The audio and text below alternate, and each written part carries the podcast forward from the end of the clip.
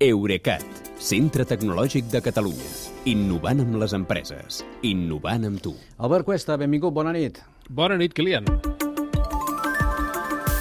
Ja és tradició, o gairebé tradició, eh? Avui és el dia que ens expliques com els van els negocis el trimestre passat als gegants digitals, eh? Uh, doncs sí, perquè uh, aquests dies tots estan presentant novetats uh, amb resultats econòmics. Uh, si més no, uh, els que ho, ho fan els que ja estan obligats perquè cotitzen en borsa.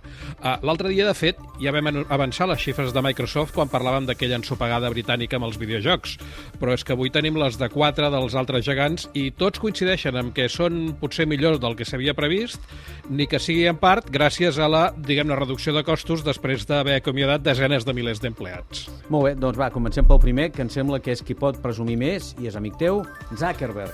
Sí, després de caure la seva facturació durant tres trimestres consecutius, Meta Platforms, que és l'empresa que inclou Facebook, Instagram, WhatsApp i Oculus, ha aconseguit créixer aquest trimestre uh, un 3% respecte a l'any passat. Ara bé, els beneficis li han caigut un 24% i això és precisament per això que dèiem, el cost d'acomiadar més de 21.000 persones, que és el 30% de la seva plantilla.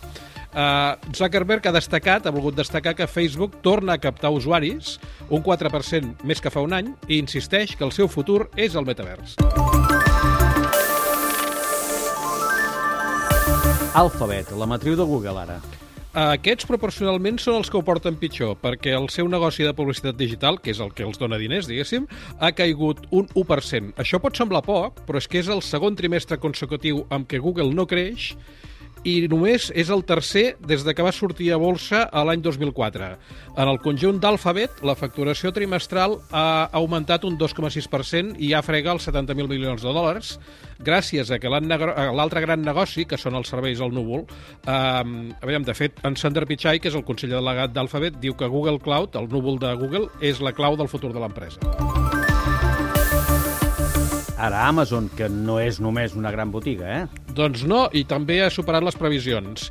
Amazon Web Services, que és la divisió de computació al núvol que dona serveis doncs, a, a la pròpia Amazon, però també a moltíssimes altre, altres empreses, per exemple, Netflix està allotjada a Amazon Web Services, ha facturat un 16% més. I la divisió de publicitat, que per entendre'ns, eh, ningú pensaria que Amazon és una agència de publicitat digital, però eh, ho són els productes aquests que surten promocionats a dalt de tot de la web d'Amazon quan busques alguna cosa, doncs mm. això és una agència de publicitat. I encara li ha anat millor, i ha crescut un 23%, però en aquest cas també aquests bons resultats són fruit en bona part d'haver despatxat 27.000 empleats. De moment l'última, i de fet única europea, Spotify. Sí, el servei de música a la carta eh, factura ara un 14% més que fa un any. Això són 3.000 milions d'euros entre gener i març. Eh, també ha guanyat un 22% d'usuaris totals, que ja arriben als 515 milions, i un 15% d'usuaris de pagament, que ja són, eh, o són, vaja, 210 milions. Tot i això, Spotify el trimestre passat encara va perdre diners. Va perdre 225 milions d'euros, que són, això sí, el, el 17% menys dels que va perdre fa un any i segurament que podrien continuar amb altres empreses, m'imagino Intel, Samsung, que també crec que deuen haver comunicat xifres de negoci, però... Totes ho estan fent aquests sí, dies, sí. Acabem amb una, amb una cosa. Recuperaran tots aquests agents, aquests gegants digitals, els creixements explosius d'abans, els que ens tenien acostumats? Jo crec que a curt termini no, perquè la referència que tenim ara o que teníem són el, aquells temps de pandèmia eh, i, en què el nostre consum dels seus serveis d'aquestes empreses es va disparar, videoconferències, videotrucades, eh, teletreball, etc. Ara, més aviat, amb el que confien el seu futur és a la intel·ligència artificial. I, de fet, ja ho hem parlat moltes vegades amb el darrer any, tots estan invertint autèntiques fortunes per integrar-la amb els seus serveis i que, a més a més, es vegi que ho fan, perquè el xat GPT tira molt, diguéssim.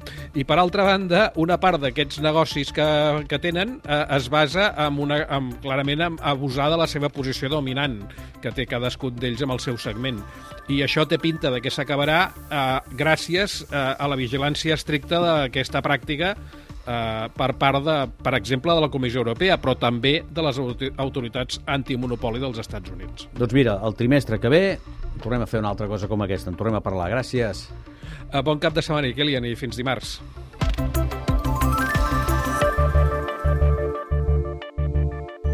Eurecat, centre tecnològic de Catalunya. Innovant amb les empreses. Innovant amb tu.